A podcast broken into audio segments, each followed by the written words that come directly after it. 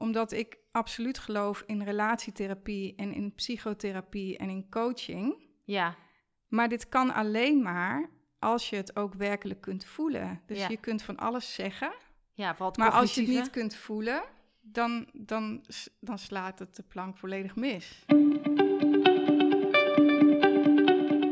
Welkom bij de podcast Stilstaan voor Dummies. Een rehab voor druktemakers, eerste hulp bij stilstaan. Want het lijkt zo eenvoudig, maar hoe werkt dat nou eigenlijk stilstaan? En wat zijn die effecten van het hebben van tijd en rust? Ik ben Ankie van Steen en ik wil stilstaan en ontspanning toegankelijk en bespreekbaar maken in een maatschappij waar iedereen aan het rennen is. En ja hoor, daar past ook een mooie baan of een succesvol bedrijf bij. En daar wil ik graag een goed voorbeeld in zijn. Speelt dit thema ook voor jou of voor jouw organisatie? Bekijk dan mijn website www.ankievansteen.nl. Je kunt me ook vinden op Instagram, waar ik dagelijks mijn inzichten, tips en struggles deel. En leuk als je me daar gaat volgen, gewoon onder de naam Ankie van Steen. Want onze kijk op werk en de manier waarop we leven is fundamenteel aan het veranderen. Het kan zo anders, zoveel mooier en zoveel gezonder. Wat laten we veel stuk gaan door drukte, door hebberigheid en door onze ikkigheid. We gaan steeds verder bij onszelf vandaan. Maar wat wil jij echt en wie ben jij echt? Via mijn podcast deel ik heel graag toffe en inspirerende verhalen over wat het hebben van simpelweg tijd kan betekenen voor jouw persoonlijke ontwikkeling, je gezondheid, je leiderschap, jouw zijn, je werk, relaties, opvoeding en nog heel veel meer. Van experts krijg jij hele praktische tips en inzichten. Zie deze podcast maar als één grote menukaart en kies het gerecht uit wat bij jou past.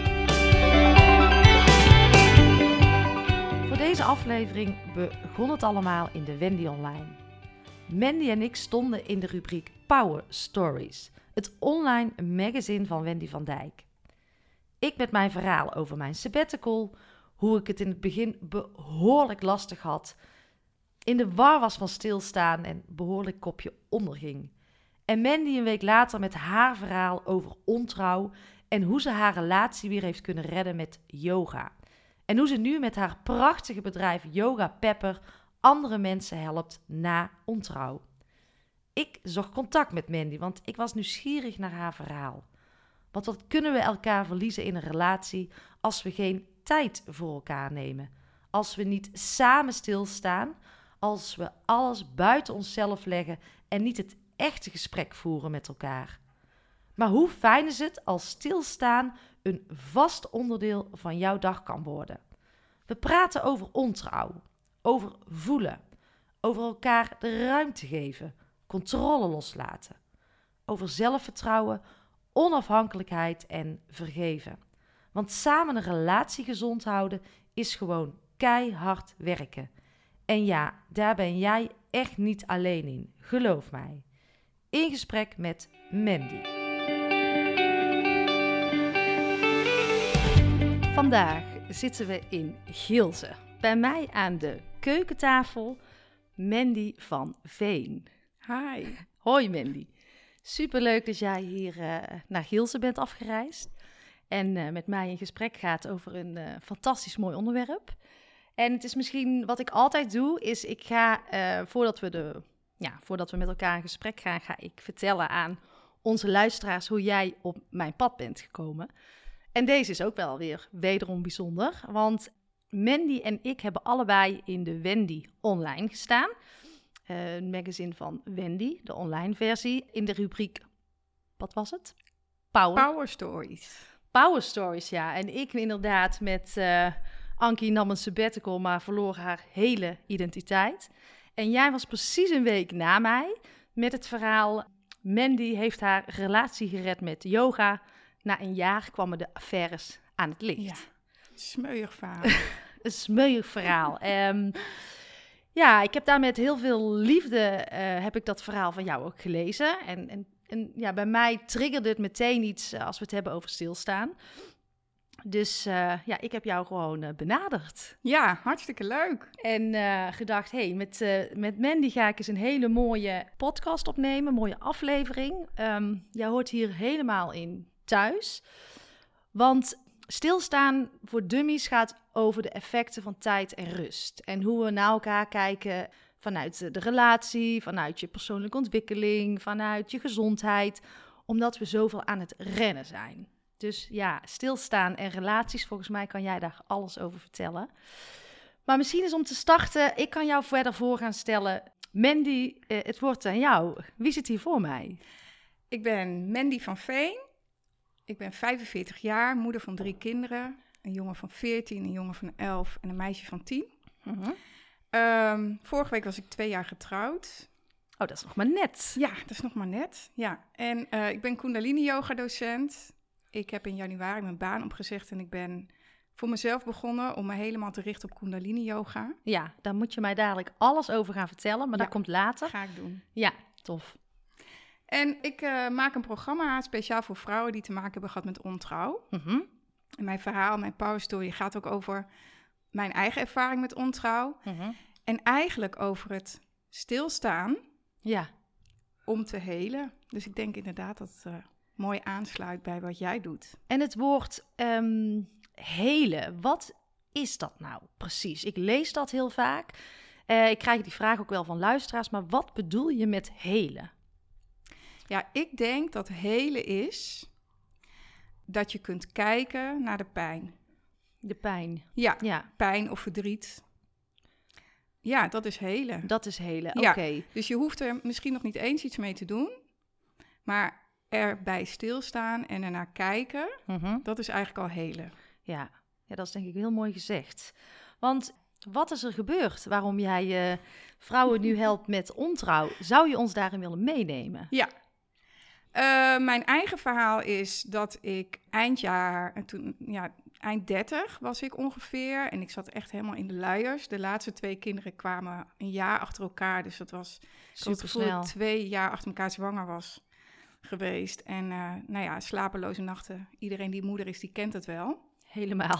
Ja, en in die tijd, in die chaotische tijd, ehm, ehm, ben ik mezelf, denk ik ook als zoveel vrouwen, me- mezelf een beetje kwijtgeraakt. Mhm. En toen eh, kreeg ik contact met een, eh, eigenlijk was het een vakantievriendje, die stuurde mij een sms'je. Dat was toen nog, hè, sms'jes. Hoe gaat het met je, Mandy? Hoe gaat het met je? En dat had hij al wel eens eerder gedaan, maar dit keer dacht ik, oh, Ja. dit is wel heel spannend. Ja. En ehm, dat kwam omdat hij me herinnerde aan de tijd dat ik nog jong en eh, vrij was, Mhm. eigenlijk. Dus daar stond hij ook symbool voor, voor die vrijheid en voor die Mandy die ik een beetje kwijt was geraakt. En Ja. ik, ben daar, ik heb me daarin helemaal laten gaan. Ja. Dus eh, we hadden heel veel contact via telefoon en uiteindelijk hebben we elkaar ook een paar keer gezien. Maar door die, wat er toen eigenlijk gebeurde, is dat ik aan de ene kant een, enorm in euforie leefde. Mhm. En aan de andere kant me ontzettend slecht voelde natuurlijk over het feit dat ik iets deed waar ik niet eerlijk over was. Ja. Want dat, jouw man wist daar een hele lange periode niets van dan? Nee, mijn man wist daar niets van. Nee, Mhm. dat ging allemaal stiekem. Hm. Dus ik voelde mezelf een hele slechte partner en een hele slechte moeder. Ja. En uiteindelijk is het allemaal uitgekomen.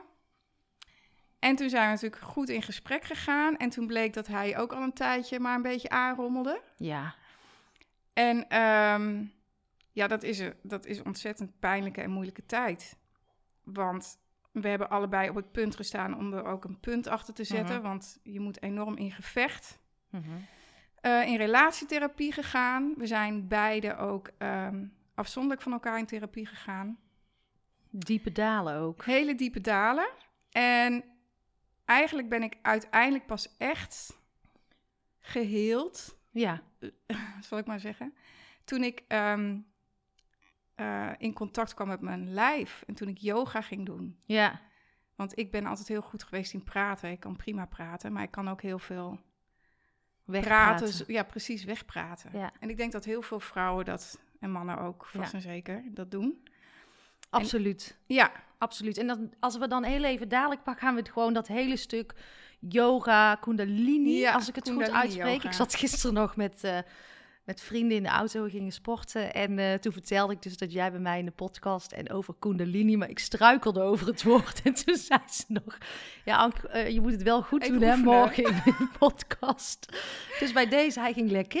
ja, Eh, het ging in één keer goed, ja. ja. Maar ehm, hey, da- voordat we die yoga en dat in je lijf, dat daar de oplossing ligt voor jou, Ja. even terug naar de relaties waarin wij allemaal zitten. Ja. Ehm, en ik vind dat mag ook best wel eens een keer bespreekbaar worden gemaakt. Eh, het is niet allemaal prachtig en geweldig. Nee. Eh, het is gewoon keihard werken om, Ja. om, om, om samen oud te worden. En ehm, wat jij ook zegt, de impact van kinderen. Hoe is dat bij jou geweest die eerste, de eerste jaren? Ja, ik hoor nog wel eens moeders zeggen: Oh, ik verlang nog terug naar die babytijd. Ik, ken dat, ze ook. Dat, dat heb ik niet zo. Nee. Ik vond het heel zwaar. Ja. Ik vond het echt heel zwaar. Ik eh, kan sowieso niet zo goed tegen weinig slaap. Ik heb gewoon slaap nodig. En eh, ja, dat is dan natuurlijk niet. Nee. En ik heb ook tijd voor mezelf nodig. Ja. En eh, dus op het moment dat ik in de luiers zat met twee kleine kinderen, ehm, ja, dan heb je dat niet. En daar word ik niet heel gelukkig van. Nee. Nee. Dus ik vond dat, dat is niet een tijd. Ja, natuurlijk, zo'n zo'n lief babytje in je arm is natuurlijk heerlijk. En het, is, het was niet alleen maar ellende, maar ik vond het heel zwaar. Ja, ja. ja. ik herken dat helemaal. Ik eh, vond er geen klap aan. Nee. Nee, de eerste fase. Nee. Nee, En iedereen... Ik, het ideaalbeeld was dat het allemaal geweldig moest zijn, maar ik vond het helemaal niet geweldig. wolk, hè? Ja, Ja. ik vond het hard werken. Ik vergat na drie, na drie, vier jaar nog steeds mijn luiertas. Ik was nooit die moeder die met de... Ja, ik was... Ja, ook wel omdat ik er nooit met mijn aandacht bij was. Dat zeg ik ook wel. Maar Ja. ik was niet die moeder, moeder die het allemaal geweldig vond. En ik snap, en ik heb nog steeds heel veel respect voor mensen die een keuze maken om geen, en het is misschien niet altijd eh, dat ze het zelf heel graag willen, maar dat, het, dat je geen kinderen neemt, omdat je het Mhm. voor jezelf kiest. Ik heb wel eens gedacht, als ik nou twee levens zou hebben, hè, als Zou je dat nou het eens mogelijk was, dan zou ik eerst eentje met kinderen doen en dat tweede leven zonder. Nou, Nou, Ja, kan ik me heel goed voorstellen. heerlijk. Maar het staat los van houden van je kinderen. Ja, absoluut. En, En ik- het is natuurlijk niet alleen die kinderen, hè, maar ook als je dan kijkt naar wat er dan in een relatie gebeurt. Ja, Want ik weet nog wel dat ik ehm, tegen vriendinnen zei, wij zijn helemaal geen gezin of relatie meer, we zijn gewoon een bedrijf. ja, precies. Er moeten gewoon dingen geregeld worden en we bespreken dat met elkaar als de managers van dit gezin. Ja, En eigenlijk ehm, waren we de liefde, zeg maar, een beetje eh, verloren in alle chaos en eh, drukte. Ja. ja. Ik- geloof dat heel veel mensen dit eh, onderschatten. En ik zei ook wel eens tegen mijn moeder van... Mam, waarom wil iedereen kinderen? nu, denken alle luisteraars, eh, ha- ha- waarom heb jij kinderen? Ik hou er zielsveel van. Maar toen zei ze, omdat niemand weet wat het effect is van de Nee. keuze die je En dat gaat is maar maken. goed ook, want ik denk dat ook. anders misschien heel veel mensen gewoon geen kinderen meer zouden krijgen. Nee, nee. En wat je zegt, eigen tijd is ook heel erg belangrijk. Maar het mag ook wel benoemd worden, vind ik. En dat vind ik ook zo goed dat je dat ook gewoon zegt. En eh, ook, ook onze relaties zijn niet allemaal super. Nee, zeker niet. Dat denk ik niet, althans. En dat is natuurlijk niet iets waar je zo gemakkelijk mee te koop loopt, hè. Maar ehm, ik zie het wel om me heen. Ik zie heel veel, eh, geen letterlijke gevechten, maar wel gevechten tussen mensen en met zichzelf in relaties. Ja, En eh, ja, ik heb denk ik toch ook wel heel erg lang dat romantische beeld wel een beetje gehad hoor. Dat ik dacht, het moet. Natuurlijk heb je wel eens een discussie, maar over het algemeen. Als, als mensen dan zeiden een relatie is hard werken, dacht ik altijd, nou daar heb ik dus geen zin in. Weet Nee. je, als het hard werken is, dan. eh, ja, ja, maar dat is, dat is natuurlijk wel zo. ja. Ja, bent- mijn beeld van een relatie en van liefde is ook wel heel erg veranderd. ehm. Wat, hoe is dat de- veranderd? Nou, ehm, ik denk dat ik ehm, misschien ook wel een tijdje een, een soort van afhankelijk was van hem. Hm. En ook eh, een beetje tegen hem opkeek. Heel veel voor hem liet, wat eigenlijk helemaal niet hoefde hoor, want ehm, daar vroeg hij niet om, maar dat deed ik gewoon. Ja, Ehm, dat komt ook misschien wel door het voorbeeld van de relatie van mijn ouders. ja, En mijn vader wilde altijd s'avonds om vijf uur eten. Dus mijn moeder zorgde dan dat het eten klaar was. Weet je, dat soort dingen. Terwijl het voor haar misschien wel helemaal niet zo goed uitkwam. Mhm. Nou, ik denk dat dat voor mij ook een tijdje zo was. Ja, ik dat je je ik moet me aanpassen. Ja. Ja. in een relatie pas je je aan. Mhm. En ik denk wat wij nu doen, of het gevoel wat ik nu heb, is dat ik veel onafhankelijker ben. Ja, Dat ik mijn eigen individu ben en dat wij dat allebei zijn. En dat we op die manier samen zijn. We en zijn dan veel gelijk, gelijkwaardiger in de relatie zijn geworden. Ja, precies. Ehm, En de ruimte en de tijd nemen voor jezelf. Ja. en hoe, waar is die ommekeer gekomen? Hoe heb je dat voor jezelf bereikt?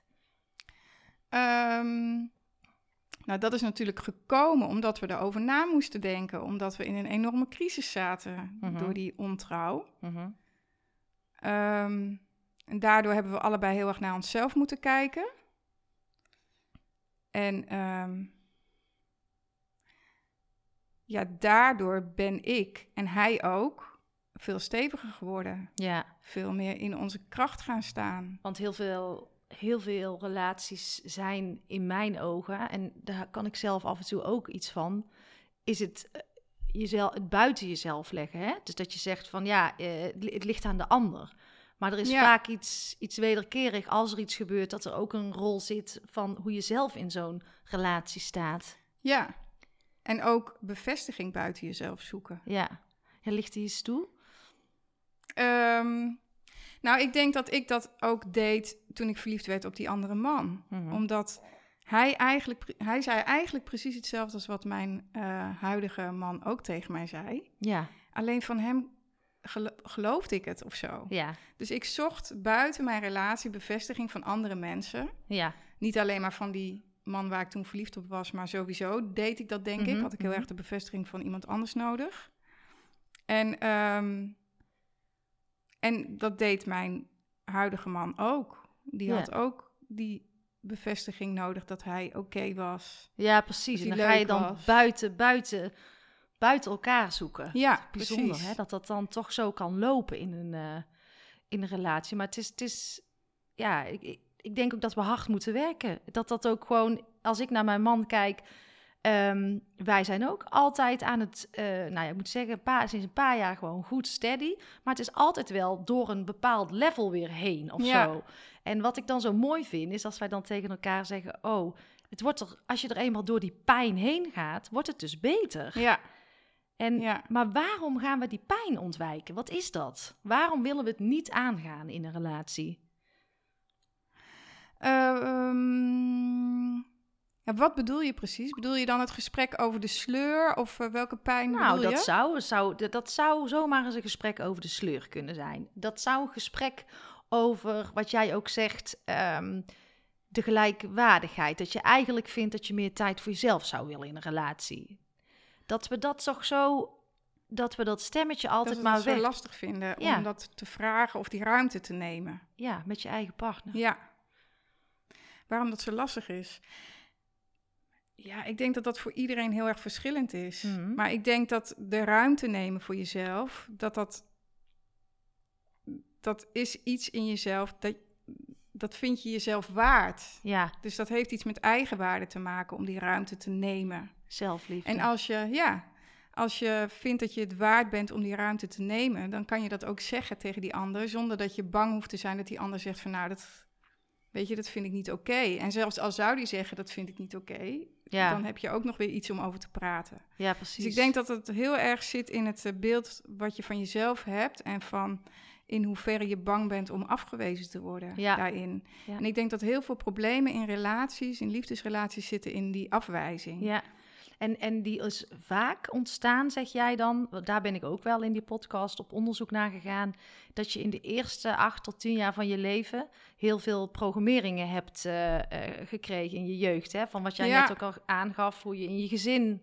Ja, was. bijvoorbeeld wat je van je ouders krijgt. Of, en dat kunnen hele kleine dingen zijn. Hè? Dat kunnen ook opmerkingen zijn van een meester in de klas. Of eh, Ja, dingen die je met vrienden of vriendinnen meemaakt. Dat zorgt er inderdaad allemaal voor dat er een soort lagen om je persoonlijkheid heen ontstaan. ja, En ehm, de kunst is om daar ruimte aan te geven, om daar kleine gaatjes in te prikken. En je ware zelf weer naar buiten te Ja. durven laten komen. Ja. Ja, Ja, dat is dat heel veel mensen, eh, en dat is wat jij dan ook aangeeft, de, hoe moet ik het zeggen? Ehm, dat ga je dus, als je contact maakt met je lijf, ja, waar je dus de, de, de Kundalini-yoga ook voor, aan, voor toepast, ja. Dan ga je ook naar dat soort pijn toe. Ga je dat Ja. soort patronen aankijken? Of ja. leg eens uit. Neem ons eens mee. Ehm, Ja. Nou, op de eerste plaats is yoga natuurlijk al sowieso heel fysiek. Mhm. En ik denk, wat je ook doet op fysiek vlak, als je het bewust doet, dan is dat al een begin ehm, stap, zeg maar, om ehm, naar binnen te gaan. Mhm. Eh, bij Kundalini Yoga is het zo: ehm, Kundalini-energie is eigenlijk levensenergie. En eh, ik hoorde in de podcast met Ramon, eh, die had het er ook over. Als ik mediteer, zit ik, zorg ik altijd dat ik goed rechtop zit. Ja. En dat is bij Kundalini Yoga ook heel belangrijk, want dan heeft die energie de ruimte om door te stromen. Ja, dat, dat was wel grappig, want ik zat vanochtend even terug te luisteren dan ook van Ramon. ja. En toen had ik, oh, had ik maar de vraag gesteld waarom dat dan zo belangrijk is. Ja, maar Leg- volgens mij zei hij dat inderdaad wel. Die kundalini-energie die stroomt eigenlijk ehm, door je, via je ruggengraat, door je lijf, van je, van je stuitje richting je kruin. Mhm. En ehm, onderweg kan het, kunnen daar allerlei blokkades zitten. Ja, En ehm, die kundalini-energie, door kundalini-yoga te doen, maak je ruimte vrij om die energie door te laten stromen. Maar dan ga je soms ook tegen die blokkades aan. Dus het is bij kundalini-yoga eigenlijk zo, als je, als je ervoor open staat, hè, ja, dan, ehm, dan kom je die blokkades hoe dan ook tegen. ja. Dus, en dan kan je nog kiezen of je er wel of niet wat mee doet. Maar je gaat ze tegenkomen. Ik merk ook heel vaak in, in mijn lessen, als mensen voor het eerst komen, zijn ze bijna altijd gewoon emotioneel geraakt. Mhm. Omdat er iets in je lijf gebeurt. ja. ja. Ja, wij onderschatten de kracht van het voelen. Ja, zeker. En dat is iets waar, waar, ik, ja, waar ik achter ben gekomen. Maar ik begin bijna te denken dat daar... Nou, begin bijna... Ik weet eigenlijk zeker dat daar de oplossing Ja. ligt voor heel veel eh, uitdagingen in ons Ja. leven. Ik ook. En dat heb ik ook zelf ervaren. En daarom maak ik nu ook dit programma. Mhm. Omdat ik absoluut geloof in relatietherapie en in psychotherapie en in coaching. Ja, Maar dit kan alleen maar als je het ook werkelijk kunt voelen. Dus Ja. je kunt van alles zeggen, ja, maar als je het niet kunt voelen, dan, dan, dan slaat het de plank volledig mis. Ja, en, jij en jij zegt veel, veel van de therapie die er is, is gebaseerd op, eh, op het cognitieve. Ja, praten. Ja, En ehm, ik zie ook wel eens om me heen, bij mensen die ik heel goed ken, ehm, dat, dat er, je kunt praten met een therapeut. Maar je kunt een therapeut en jezelf met name, hè, want het gaat Mhm. natuurlijk niet om die therapeut, ontzettend voor de gek houden. ja, Ehm, dus ja, ja, ik denk dat je jezelf, dat je jezelf sowieso heel goed voor de gek kan houden. ja, precies. Door maar in je hoofd te blijven Ja. zitten, kan je jezelf van alles wijs maken. Ja, en ik denk dat Ja. we daarom ook zo ontzettend druk zijn Ja, en ehm, druk doen. En dat we daar een soort van bevestiging aan koppelen in ons leven. Hè? Want dan doen we ertoe. Of als ik zoveel vrienden heb, dan, eh, of, of, of zo'n goede baan, dan, dan doe ik mee aan het externe korte, ja, korte geluk. ja, Ehm, maar als je dus, dus dat allemaal niet hebt en eigenlijk weer terug naar de basis gaat, en dat is je lijf, ja. dan ga je voelen. ja. En dan komen er die pijntjes. eh, en dat is vaak ook. Het zijn, dan gaat dat stemmetje in jou aan. Ja, En dan, ja, ik zeg altijd, je ziel of je hart gaat dan praten. ja. En dat fluistert niet. Ja, Die, of die schreeuwt niet, die fluistert ja naar je. dus moet je stil zijn. Ja, En daarom is stilte zo heerlijk. En, en, en in de yoga zeg je ook, ja, en dan kom je dus ook echt die blokkades tegen. ja. en je moet er natu- natuurlijk wel voor openstaan, hè, want dat is heel spannend. Absoluut, absoluut. Ehm, ik heb het ooit eens omschreven als een soort van klein doosje wat ik in mezelf had met een dekseltje erop. En ik wist dat daar heel veel verdriet en pijn in zat. Ik wist Mhm. niet precies waar het vandaan kwam, maar ik wist dat het er zat. ja, En de kunst is om die deksel, om die deksel op te tillen en ernaar te kijken. ja, Maar dat heeft soms wel wat tijd nodig. En je kunt er ook voor kiezen om dat, die deksel er gewoon op te laten zitten. Dus het is wel iets, je moet wel aan de slag. Het is Ja. niet iets wat vanzelf gaat. Dus als je kundalini yoga gaat doen en je staat ervoor open om ook die blokkades ehm, op te lossen, Ja, dan, dan, dan, ja, dan, dan kan je daar enorme resultaat. ruimte en vrijheid mee ervaren.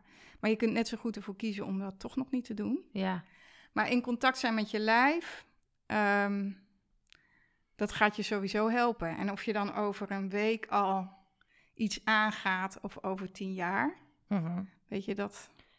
Dat is aan die persoon zelf Ja, natuurlijk. tuurlijk. Ja, Ik, heb- ik had gisteren nog een, eh, met eh, een vriendin van mij ook nog een gesprek. Het lijkt wel of er geen pijn mag zijn of zo in deze maatschappij. ja, dat is wel een beetje de trend, hè? Daarom zijn er ook zoveel mensen zoals jij en ik, denk ik. En het gevaar zit hem in ehm, dat het lijkt alsof je alleen nog maar gelukkig mag zijn. Hè? Want alles is voorhanden om Ja, ook gelukkig te zijn. Dus eh, ja, als je ongelukkig bent, dan ga je toch yoga doen? Of je gaat ja, eh, naar een coach. Of, eh, dus er is eigenlijk geen reden meer om niet gelukkig te zijn. Maar de kunst in mijn optiek zit hem juist in het feit dat je leert accepteren dat je niet, al, dat je niet altijd gelukkig kunt nee, zijn. ben ik het helemaal mee eens. Ja. En het is ook, het moet allemaal perfect zijn. En eh, Ja, ik denk juist als je ehm, bij groei hoort pijn. ja. Ja, en die pijn die verdwijnt ook niet.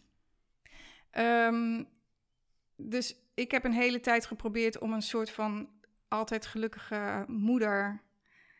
Ik weet nog toen ik zwanger was voor mijn eerste kind, dat ik tegen mijn moeder zei: eh, Ik ga echt nooit tegen mijn kind schreeuwen. en Oh ik ja. weet nog heel goed dat mijn moeder ook een beetje zo keek van... nou, ik spreek je over een paar jaar Ja. wel eens. Maar ik had een bepaald beeld van hoe ik als moeder wilde zijn... en ook hoe ik als vrouw moet zijn. Ja. Ehm, Heb je daaraan, eh, heb je dat waar kunnen maken? dat Nee. En nu geef ik altijd de schuld aan het feit dat ik half Italiaans ben... en dat ik dus gewoon niks aan kan doen, dat ik af en toe heel erg schreeuw. Dat ja. is natuurlijk ook onzin, maar Ja, goed. ik ben toch niet half. Italiaans? Maar jij schreeuwt ook. Ja. Ja, heerlijk. Ja, Nee, is niet heerlijk, maar goed. Maar ik heb wel geleerd ook om echt te voelen en mijn ehm, en gewoon veel meer zelfvertrouwen te krijgen. Dat ik gewoon dagen heb dat ik helemaal niet zo leuk ben. ja, dat het dat goed is en dan mag zijn. Ja, precies. En vroeger zou ik dat dan heel erg hard hebben gewerkt om dat onder, ehm, onder het kleed te schuiven, zal ik maar Mhm. zeggen. En nu zeg ik dat gewoon. Ja. Ik heb vandaag een slechte dag. Ja. Dus ehm, Ja, dat je gewoon accepteert dat eh, die er zijn. En ik merk aan mezelf ook wel als ik, nou ja, gewoon af en toe een slechte dag heb ik dan. En Mhm. die laat ik dan ook gewoon toe, terwijl ik daar altijd keihard tegen aan het vechten was. ja. En, maar soms heb ik ook wel weer een langere periode dat ik even wat down ben. En ik kom erachter dat dat dan vaak is als je weer naar... eh, dat het vaak ook weer eh, een voorteken is van weer een hele mooie fase of zo. Dat je in een soort groei zit. ja, En dat dat er dus gewoon bij hoort. Ja. En ja, waar, waar, waar we het net ook over hadden, net voor de podcast. Niks is zeker toch? In het Nee, nee. Want hoe heb jij die hele coronatijd dan ervaren? Neem ons daar Ja. eens even in mee.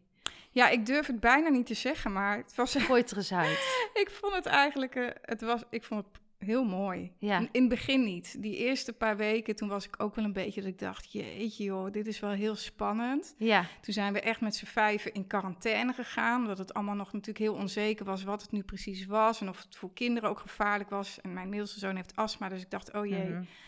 Als die dan maar niet besmet raakt. En eh, dat was eigenlijk ook heel fijn, zo met z'n vijven in een huis ja. opgesloten en een beetje wandelen en zo. Ehm, uiteindelijk, ehm, ja, weet je, ik, ik denk wat zo mooi is, dat, dat we niks anders konden dan in het nu zijn. ja. En dat was zo duidelijk.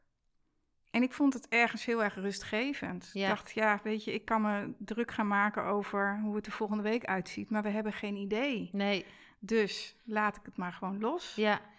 En ehm, uiteindelijk ben ik er nu, net als iedereen, denk ik ook wel een beetje klaar mee. Zeker, ik Hè, ook. met En het met name anderhalve het- meter en die stomme mondkapjes en dat ge... ge- Weet Ja. je, die ons, ik- waar ik nu vooral eh, last van heb, is eigenlijk die ehm, complottheorieën en het feit dat ik daar zo ontzettend zelf over ga twijfelen. Dat ik denk, wat is nu waar en wat is niet Ja. waar. Maar ehm, ik kijk gewoon niet meer. Ik kijk sowieso eigenlijk helemaal geen tv. Nieuwsdieet, eh, is ook goed ik- advies, ja, ja. precies. Ik kijk niet meer naar het nieuws. ik volg een paar mensen waarvan ik het idee heb dat die heel puur zijn op Instagram. En daar haal ik dan iets uit wat mij helpt. Ja, ja. En de rest laat ik maar een beetje zo. Aan je voorbij gaan, Ja. precies. En het heeft ook wel met die controle te maken. Ik kwam er ook achter toen ik...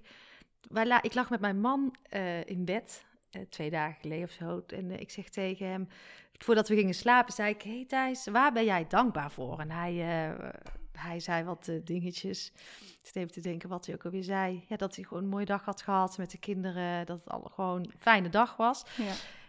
En toen dacht ik, ga ik nou ook gewoon uit het niks zeggen waar ik dankbaar voor ben? Maar toen was het even stil en toen zei hij, en ja, waar ben jij eigenlijk dankbaar voor? En wat ik toen zei was dat ik ehm, altijd voor het, het idee heb dat het goed komt. Oh ja. Die rust, in plaats van altijd alles willen controleren, Ja. tot in Excel-sheets van de financiën, eh, ehm, eh, wat de kinderen moesten doen, eh, over drie jaar kijken. Altijd was ik in, ik dacht altijd alles te controleren. Oh ja. Maar in die sabbatical heb ik geleerd dat gewoon niks zeker is. Nee. En ik zocht altijd naar hou vast, want als ik een baan heb, of als ik dat heb, of als ik geld heb, dan is het goed. Ja. Maar dat ik, dat ik dus heel die corona ook voelde als een soort van, ehm, ja, wat kan mij nou nog gebeuren? Ja. Ik, eh, dat, dat grenzeloze vertrouwen in dat het altijd goed gaat komen, ja, Ja. ik vind dat echt... Ja, heerlijk hè? Ja, dat, dat is het grootste cadeau wat, eh, waar ik denk ik op dit moment dankbaar voor ben. Ja. Die eh, rust, Ja. die zou ik zoveel mensen gunnen. Ja, precies. En, en dat is ook in je relatie. Het, het, het, we willen alles controleren. Ja. Ik was ook echt in mijn relatie eh, heel gecontroleerd naar mijn man. Jarenlang. Ja. Dat, ik, dat ik dacht, eh, terwijl ik eigenlijk van binnen verlangde naar zelf ook ruimte. Maar ik, ik legde denk ik mijn eigen onrust, projecteerde ik op hem. Ja. Dan denk Ja, ik, precies. we moeten nog... ehm, het is zo goed om dat samen ook te leren in de relatie. Maar controle loslaten is toch wel een ja, van de dat mooiste is heel dingen. fijn. En ik denk juist door, ehm, ik, als ik dat om me heen ook zie in relaties, juist als je probeert om, om die relatie heel erg te controleren, ik denk dat je juist iemand dan heel erg van je afduwt. Ja, En eh, door elkaar vrij te laten, kom je veel dichter bij elkaar. ja. En, ook daarin eh, loslaten. zit Ja, dus- en dan bedoel ik niet vrij in de zin van een vrije relatie hoor. Want ik, ik, ik zeg daar wel eens iets over in, op Instagram of zo. En dan denk ik, misschien denken mensen wel dat ik een vrije relatie heb. Ja. ja, maar ook maar al dat heb hebben ik mensen niet. dat. En dat moet iedereen ook helemaal voor zichzelf weten. Ja, dat is niet voor precies. mij. Ja. Ehm, maar ehm, wat wilde ik daar nou eigenlijk over zeggen? Elkaar de ruimte geven, dat dat eigenlijk heel belangrijk is in Ja, relaties. precies. Dat je, dat je respect hebt voor elkaars ruimte. En ja, ik hoef niet... Wij hebben een gezamenlijke agenda thuis. Ja, Ik hoef niet bij elk dingetje wat ik ga doen te overleggen. Dat wil ik ook niet. nee. En ik zie dat nog heel vaak om me heen. En ik krijg daar dus heel erg benauwd van. Ja. Als ik dat zie van ja, mijn man vindt het niet zo leuk dat ik vanavond alweer met vriendinnen afspreek. Ja, weet je. eigenlijk loop je dus continu op je tenen en please je jezelf in de relatie. Ja, ja, of je moet het gewoon heel fijn vinden om te pleasen. Hè? Dan moet je dat natuurlijk ook vooral doen. Ja, Maar ehm, dat is niet voor ons gelukkig Nee. zo. nee, Nee. bij, ik merk dat ik het sinds die controle dus eh, zowel voor mijn eigen leven, maar ook in mijn relatie veel meer heb losgelaten. Ehm, ervaren wij heel veel rust ook en Ja. heel veel gelijkwaardigheid in onze relatie. Ja, Maar wij zijn nu 17 jaar onderweg. Ja, dan mogen de luisteraars ook wel weten. We hebben ook echt diepe, diepe dalen Ja. gekend. Maar onze relatie is niet alleen maar roze geur en, Nee. eh, en maneschijn. Ik, ik denk dat dat bij niemand zo is. heb va- Eerlijk gezegd. regelmatig op het punt gestaan. Ik, ik ben weg. Het, dit Ja. biedt me niks. Maar als je dan toch weer door die, door die, door die shit heen gaat... Ja, dan kom je weer... Dan lijkt het wel of je een trapje hoger mag in je relatie. Ja, En- ja precies. En ehm, ja, eigenlijk is het alleen maar heel erg verdiepend. Ik ben nu, en ehm, we zijn nu natuurlijk al jaren verder, maar ik ben nu heel erg dankbaar voor wat ons is overkomen. Zo mag je het Want zien, eerlijk denk gezegd denk ik dat als het niet uit was gekomen, of als het eh, niet gebeurd was, dat we uiteindelijk uit elkaar zouden zijn gegaan. Om wat voor reden dan ook. Ja. Maar ehm, ja, ik denk dat dit ons juist heel erg geholpen heeft. Ja, precies. En, en ehm, de, de kunst is, als zoiets gebeurt, ontrouw, ehm, om, het, om het met elkaar samen op te lossen. En het kan dan ook nog beter worden. En heel veel mensen Ja. rennen, denk ik, weg. Zie je dat ook in Ja, de meeste, reactie, de, de meest gehoorde reactie is natuurlijk als mijn man vreemd gaat, dan eh, flikkert hij me op. dan hoef Ja, ik hem nooit meer te zien. Weet je wat ik altijd... En dan zegt mijn man, dat moet je nooit zeggen. Ik hoop dat hij het niet doet. Maar ik ga niet bij hem weg als hij het zou doen. Nee, nou, de meeste mensen doen dat ook niet. Nee. Ehm, Maar ze zeggen het wel. Ja, ja. Tenminste, dat zijn de cijfers. Hè? De cijfers zijn natuurlijk heel vaag, Ja. want daar is niet iedereen altijd even open en eerlijk over. Dus het is moeilijk te meten, maar het schijnt dat de meeste mensen toch wel bij elkaar blijven. En ehm, ik kan je uit eigen ervaring vertellen dat dat niet makkelijk is. Dat is een enorm gevecht. Hoe lang zijn jullie onderweg geweest in die periode? Ik denk wel vier jaar. ja. Ja. En ook, ik heb ook echt op het punt gestaan en hij ook om, om, Te stoppen. om te stoppen. Mhm. Ehm, en gelukkig hebben we dat niet gedaan. Maar ehm, ja, dat is, dat is echt hard werken. Een Ja. relatie is hard werken, maar een relatie na ontrouw is echt keihard, Keihard werken. werken. Ja. En ehm, Want wat gebeurt er met jou in zo'n fase? Het komt, het komt uit. jouw ontrouw komt uit. Van jouw man Ja. blijkt dan ook eh, eh, Ja. een andere vrouw eh, te hebben gehad. ja, Dan komt zoiets uit. Wat doet dat met je, met je eigen waarde? Wat, wat, gaat er, wat gebeurt er?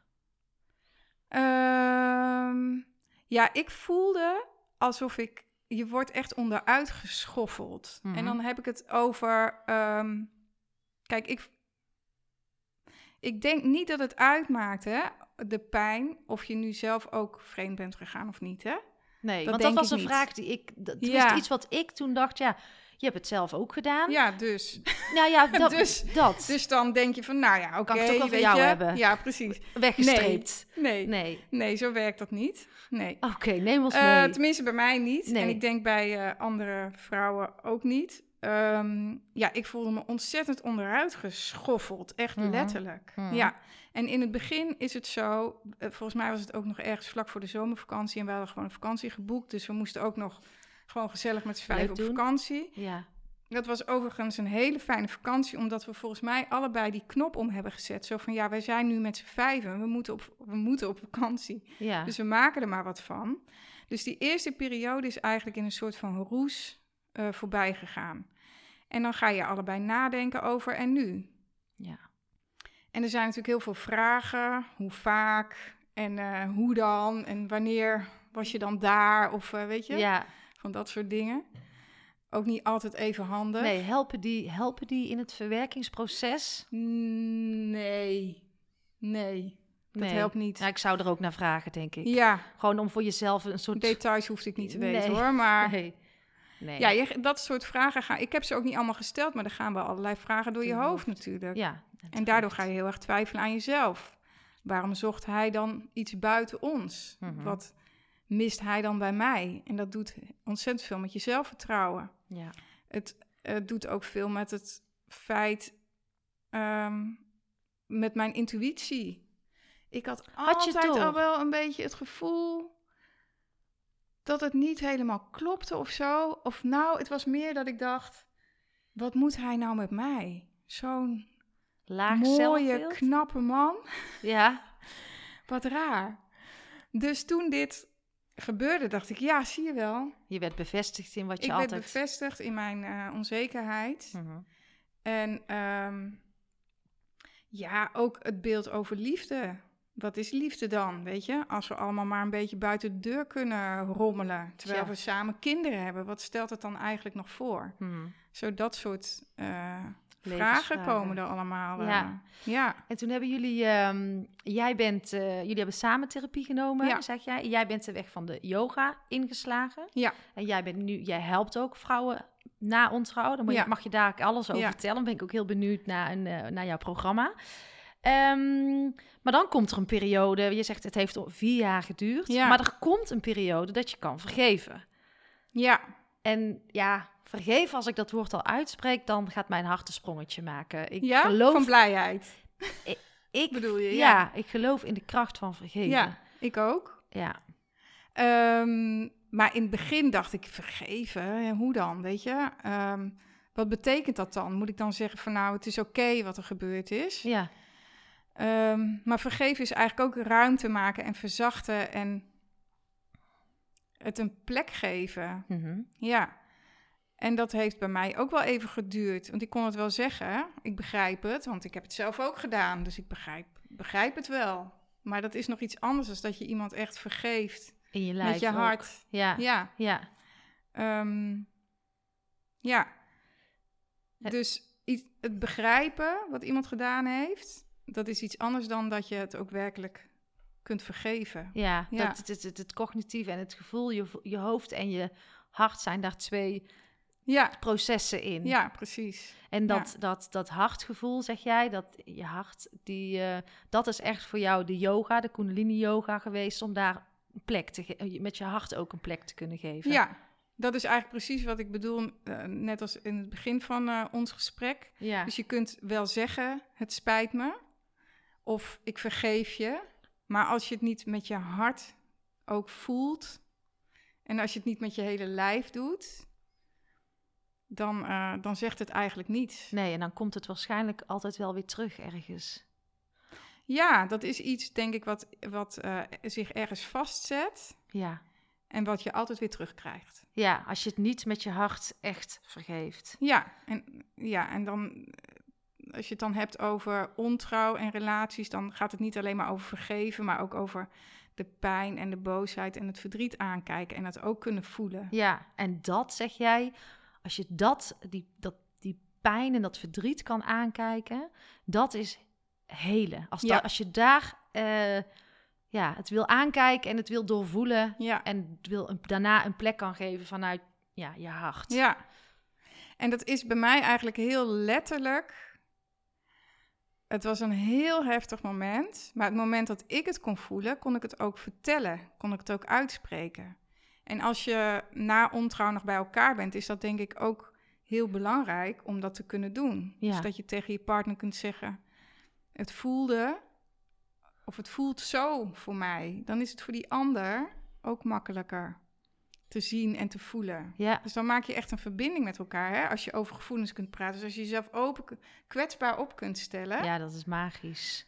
En dan eh, kun je, dat is de enige manier om, om weer opnieuw contact met elkaar te, verbinden. Ja. ja.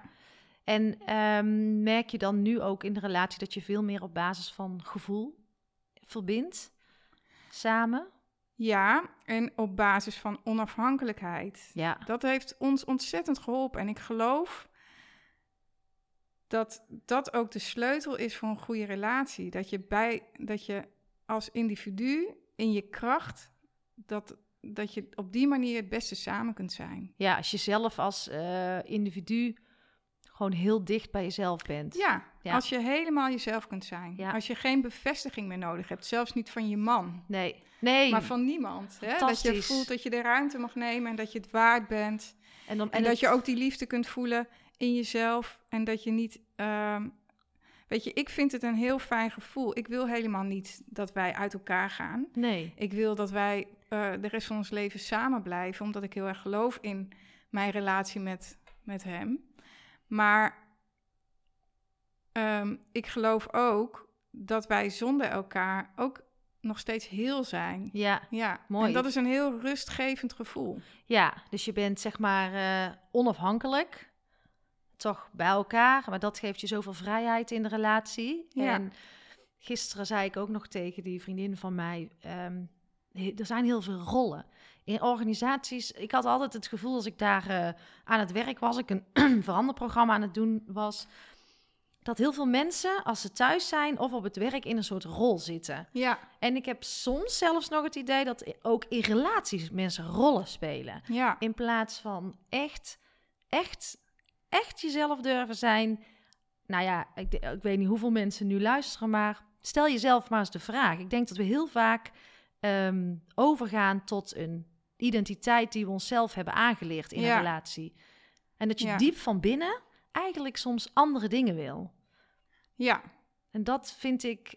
ja, eh, dat is heel fijn als je dat gevoel hebt dat dat niet meer hoeft. Ja, de En ik denk dat het niet zo erg is, want ik ben als moeder ook anders dan ik als vrouw ben. Ja, En als vriendin ben ik denk ik ook alweer anders als dat ik als moeder ben. Dat Ja, is niet erg. Maar in de kern ben ik ehm, wie ik wil zijn.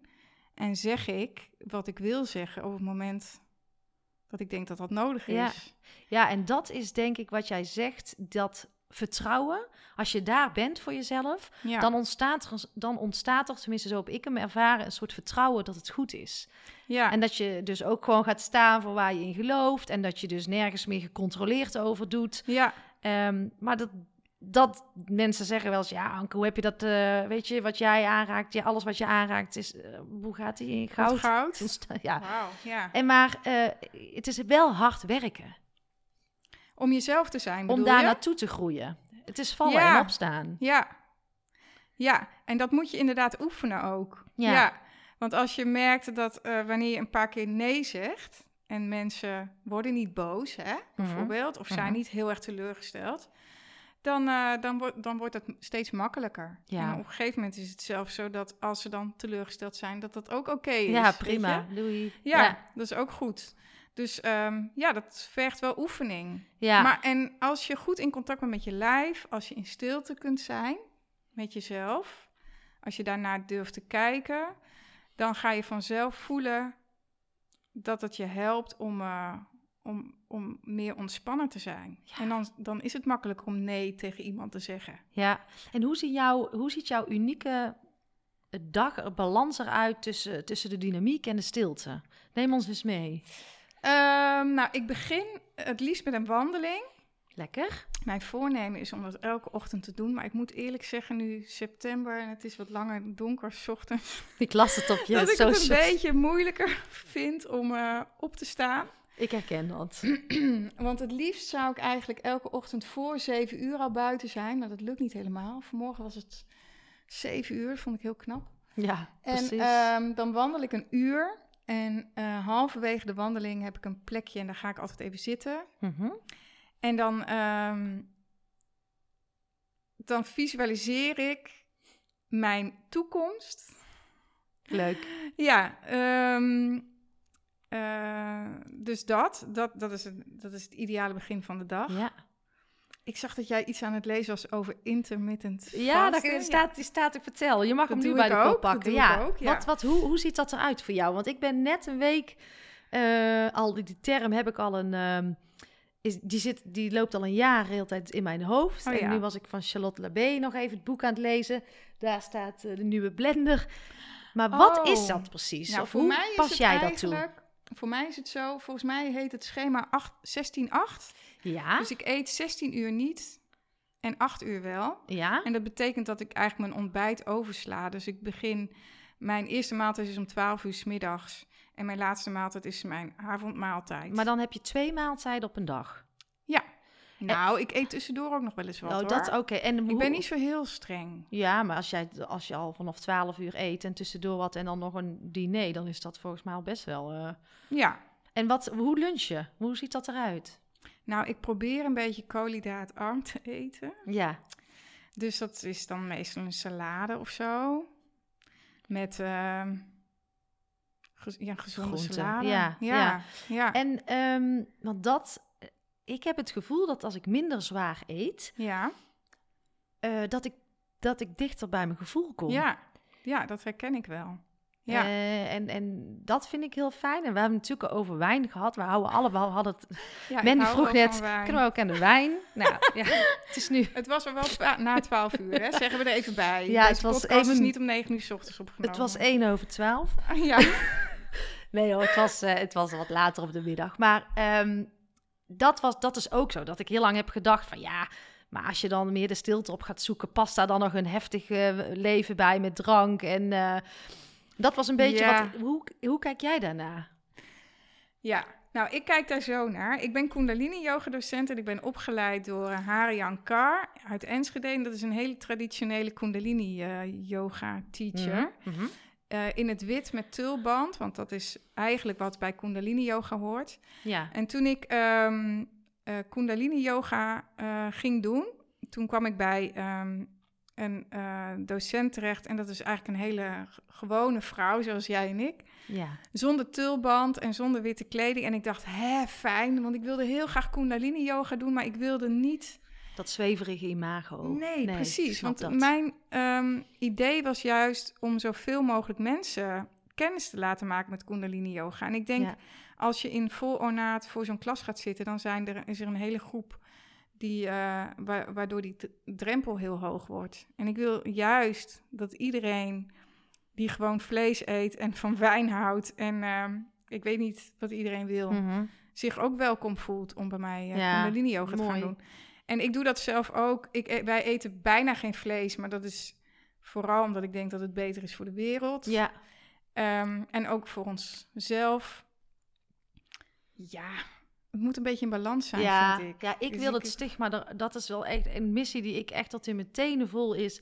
Stilstaan en ontspanning toegankelijk en bespreekbaar maken. Ja, Ehm, gewoon eigenlijk ook de, de, de stigma's of de, de taboes op relaties, dingen die niet bespreekbaar worden gemaakt, toch aandacht geven in deze Ja. podcast. En dat dat dus en en is. En Ja. dat het niet is of zweverigheid, wollen sokken, eh, je mag geen wijn drinken en je mag eh, hè, vooral niet uit je pan gaan. Nee, of heel die andere kant. Het is, er is volgens mij een hele mooie balans. En ik zou Ja. mensen het gunnen die altijd in die haast en die dynamiek zitten, om die stilte eens wat meer in hun leven te krijgen. ja, Want ja, precies. net als jij Ja, zegt... je moet het eh, zeker proberen, hè? want ik heb ook in de opleiding tot Kundalini Yoga docent heb ik een week lang alleen maar groen gegeten, het groene dieet. Ja, En ehm, ik heb ook gemerkt dat dat wel echt iets met je doet, ja, absoluut. mentaal en fysiek. Ja, Het helpt je enorm om eh, dieper in meditatie te komen als je lichter eet. ja, ja, dat geloof Dus ik het is echt wel iets wat, je, wat, je, wat goed is om te ervaren. En met dat intermittent vasten denk ik dat het... Wat daar, waar ik in geloof, is dat je in die 16 uur en dat je niet eet... dat je lichaam ook heel veel opruimt. Ja, ja. Daarnaast vind ik het heel fijn dat ik... eh, dat mijn figuur een beetje... Nou, je hebt mag prachtige ik dat figuur. als- Dat moest ik nog even tegen dat is zeggen. ook niet zo yoga om met je figuur bezig te zijn misschien. Maar ja, Ja, vind ik ook wel fijn. ja dat Ehm, snap ik. Dus dat is een mooie bijkomstigheid. Ja, En ehm, ja, dus je moet dat wel ervaren. Dus als je, als je denkt, ehm, ik wil meer in contact komen met mezelf en dat gaat me beter lukken als ik in Tibet op een berg ga zitten, ja, dan moet je dat vooral doen. ja.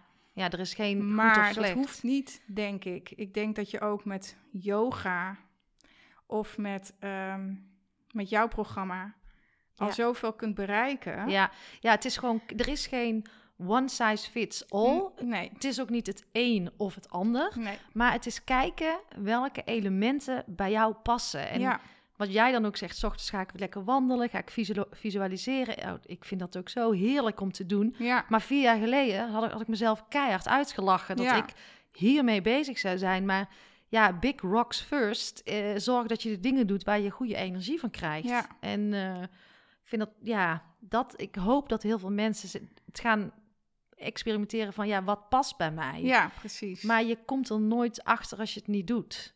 nee. Dus, eh, en jou, jou, want we zijn al bijna 50 minuten aan het kletsen, dus we Oh, gaan als een uh, tierenlier, eh, Ja. Wendy. Ehm, jij hebt... Neem een eh, slokje water. ja, doe dat. Heb je nog niet Geen gedaan? wijn, maar water. Ja, lekker. Het is koud genoeg nog. Ja hoor, is lekker. Dat, ehm, want je hebt een programma voor na ontrouw, hè? Ja. Ehm, wil je daar nog iets over kwijt? ja, wil ik wel iets over vertellen. Het is een eh, programma wat vooral gericht is op lichaamswerk. Mhm. Omdat ik denk dat wanneer je te maken hebt gehad met ontrouw... ehm, ik denk dat heel veel mensen in relatietherapie gaan... en misschien ook wel in allerlei andere soorten therapieën voor jezelf. En dat is heel goed, dat moet je ook vooral doen. Maar wat ik in die tijd heel erg gemist heb, is om, ehm, om dus echt te leren voelen. Ja, En ehm, daarvoor heb ik dit pro- programma gemaakt. mooi. Om met Kundalini Yoga. Kundalini Yoga is gewoon wat diepgaandere yoga, zeg Mhm. maar. Wat spiritueler. Heel Mhm. erg gericht op bewustwording. Mhm. Dus het helpt je enorm om in contact te komen met je lijf. En dat is denk ik een hele goede aanvulling op therapie of coaching. Ja, En vaak heb je die eerste tijd na ontrouw, ben je hartstikke druk met eh, relatietherapie of met dingen regelen of nadenken over of je nog wel bij elkaar moet Ja. blijven of niet.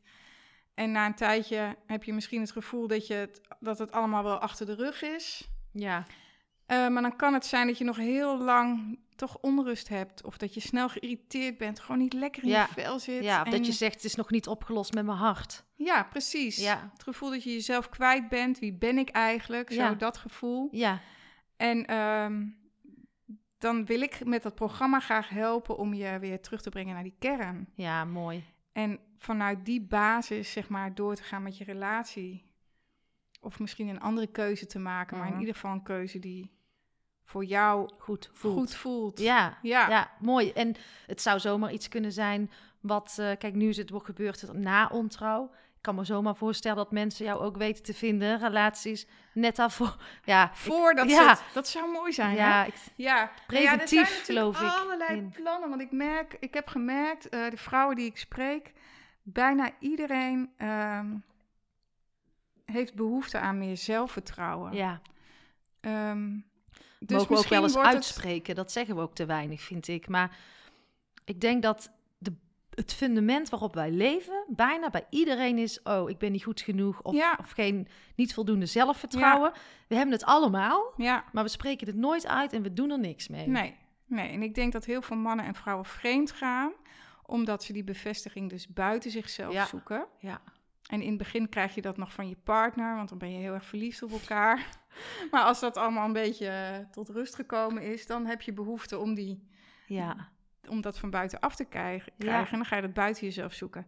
En zo, ja, en dat heeft alles te maken met zelfvertrouwen en met in je kracht staan. In je kracht staan, dat is wel een beetje zo'n eh, containerbegrip Ja. geworden. Hè? Dus ja. het- Maar ik Nou snap ja. wel wat je, wat je zegt en ik voel hem ook als je het zegt. Ik heb, ik heb ook nog niet het juiste woord. eh, ehm, dat het een beetje hip en fancy klinkt. Eh, maar het, is, het gaat er wel om dat je gewoon doet waar je echt blij van wordt.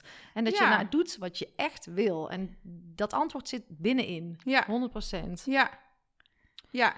En het ruimte maken vind ik ook altijd heel ehm, sprekend, zeg Ja. maar. Dus ehm, ja, dat ga je eigenlijk met het programma doen. Door middel van kundalini yoga, meditatie. ehm, maar ook met een werkboek en een leerboek. Dus je Ja. moet wel echt zelf aan de slag. Ja. Het programma bestaat uit zes modules. En dat kan je in zes weken doen. Maar je kunt er ook zes maanden over doen als je wilt. En je doet het lekker thuis. Op je eigen moment Fijn. op je eigen veilige plek. Ja, En ehm, ja, je gaat daarin vooral werken aan je zelfvertrouwen en je zelfbeeld. ja super, Ja. super. Ik, eh, wij gaan naar de afronding toe, eh, Mandy. Ik heb heerlijk met jou eh, zitten Ja, praten. leuk. En ik Ja. hoop echt dat we... Er komt een Komt een pakketje. pakketje binnen. Ik zie ook Oh. een mooie blauwe brief weer. Altijd Oh, fijn. ik wil jou ja, bedanken voor jouw mooie ehm, en open gesprek. En ik hoop dat we heel veel mannen en vrouwen eh, ja, kunnen oproepen om eh, aan de slag te gaan. Ja, En ik hoop dat ze ook jou gaan vinden voor. eh, ik geloof heel erg in een preventieve aanpak ook. Zoals voor je gezondheid ja, moet je ook een APK doen voor je relatie. ja. Maar ja, mocht het te laat zijn en ontstaat er ontrouw, zijn ze sowieso bij jou, Ja. denk ik, aan de goede, bij het goede adres. Ja, zeker. Ja, leuk om ehm, dat wij eh, eh, samen ook in die Power Story stonden en elkaar Ja, zo hebben superleuk. gevonden. Ja. En, en fantastisch, want jij staat ook in het magazine. ehm, ja, in oktober komt die geloof ik uit. Een, Ja. een Wendy special. leuk. Ja, eh, gaat over persoonlijke ontwikkeling en Ja, spiritualiteit. nou ga het vooral lezen. Dus in oktober komt de Wendy, eh, dat is de fysieke, zeg maar, het, blad het blad uit. Ja. Ga het lekker lezen. Ik wil jou hartstikke bedanken voor de fijne podcast. Dankjewel voor de uitnodiging. Graag gedaan. Mandy, dankjewel voor jouw mooie verhaal en openheid. Door elkaar vrij te laten kom je dus veel dichter bij elkaar. Heb respect voor elkaars ruimte.